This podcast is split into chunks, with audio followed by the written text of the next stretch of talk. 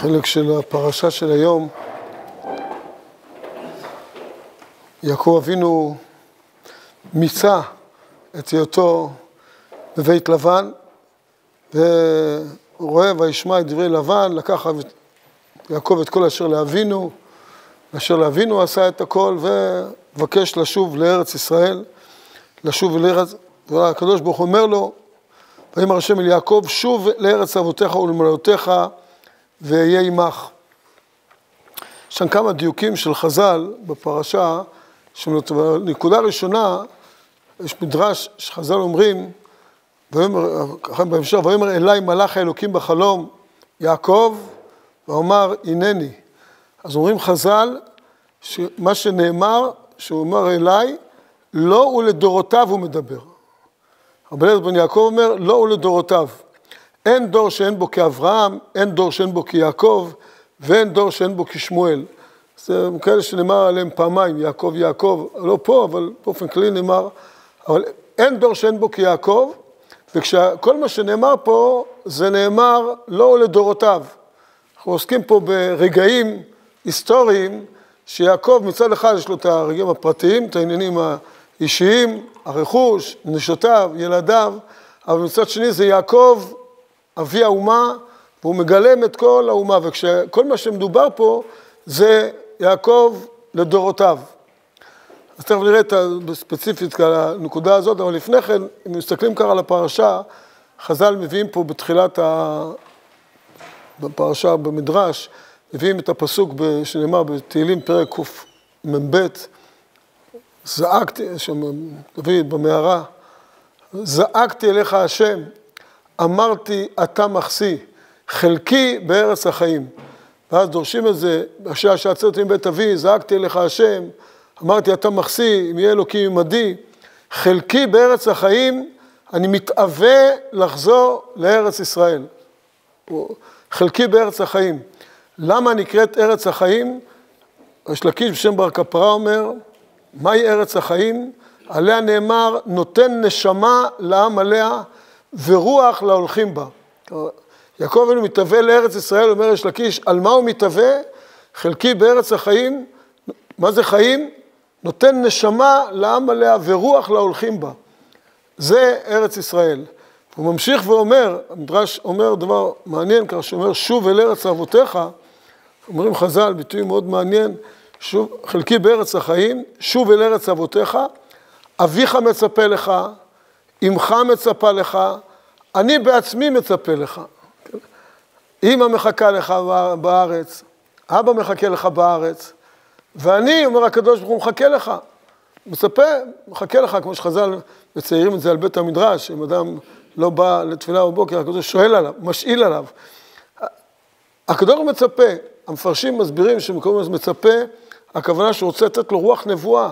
אין נבואה בחוץ לארץ, נבואה יש רק בארץ ישראל.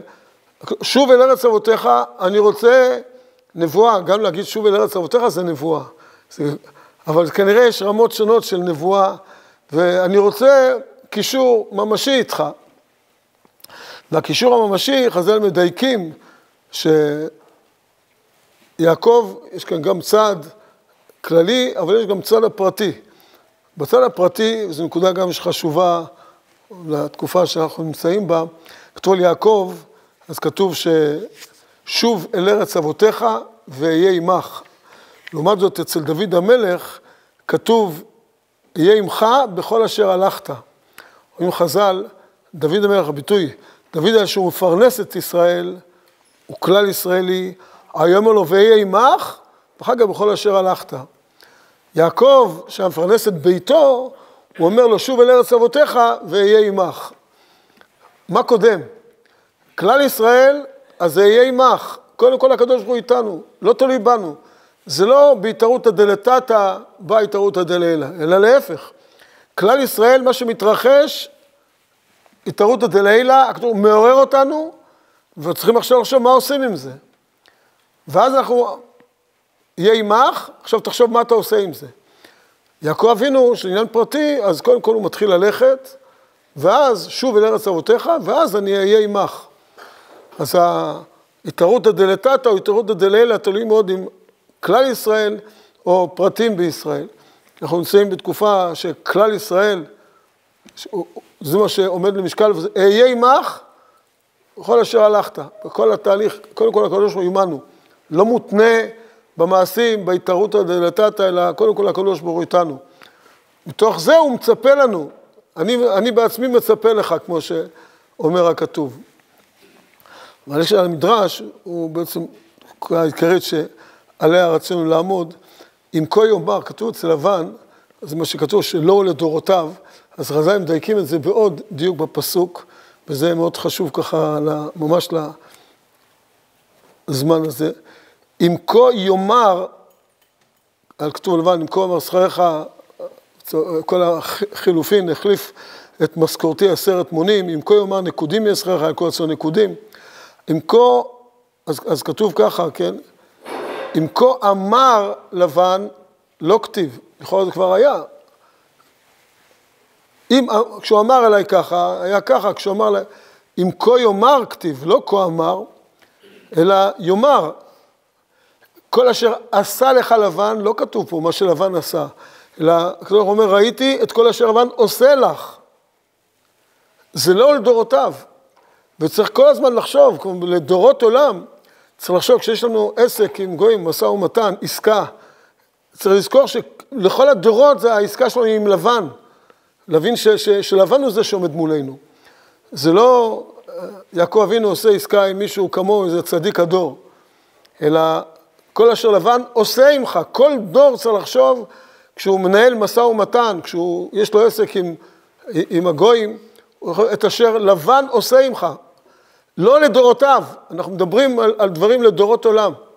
להבין, וזה בפרשה של היום, צריך להבין את, ה, את הנקודה הזאת של, שה, על מה אנחנו סומכים. אז שוב, צריך לזכור את ההיקף הכללי, אהיה עמך בכל אשר הלכת. גם בדברים האלה, הכל, זה הקדוש ברוך הוא מנהל אותם, ו...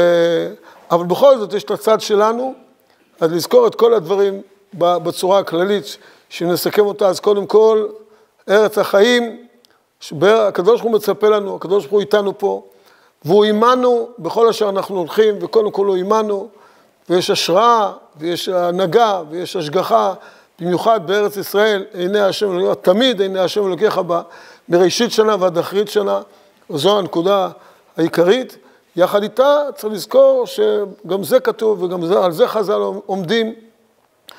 כתוב, לבן עושה עמך ולא עשה, זה לא היסטוריה, זה לא פעם קרה, זה קורה כל הזמן. אם כה יאמר, מדובר על העתיד, אם כה יאמר לך, זו שכרך, זה תמורת זה, זה תמורת זה, קח בחשבון שיש לך עסק עם לבן.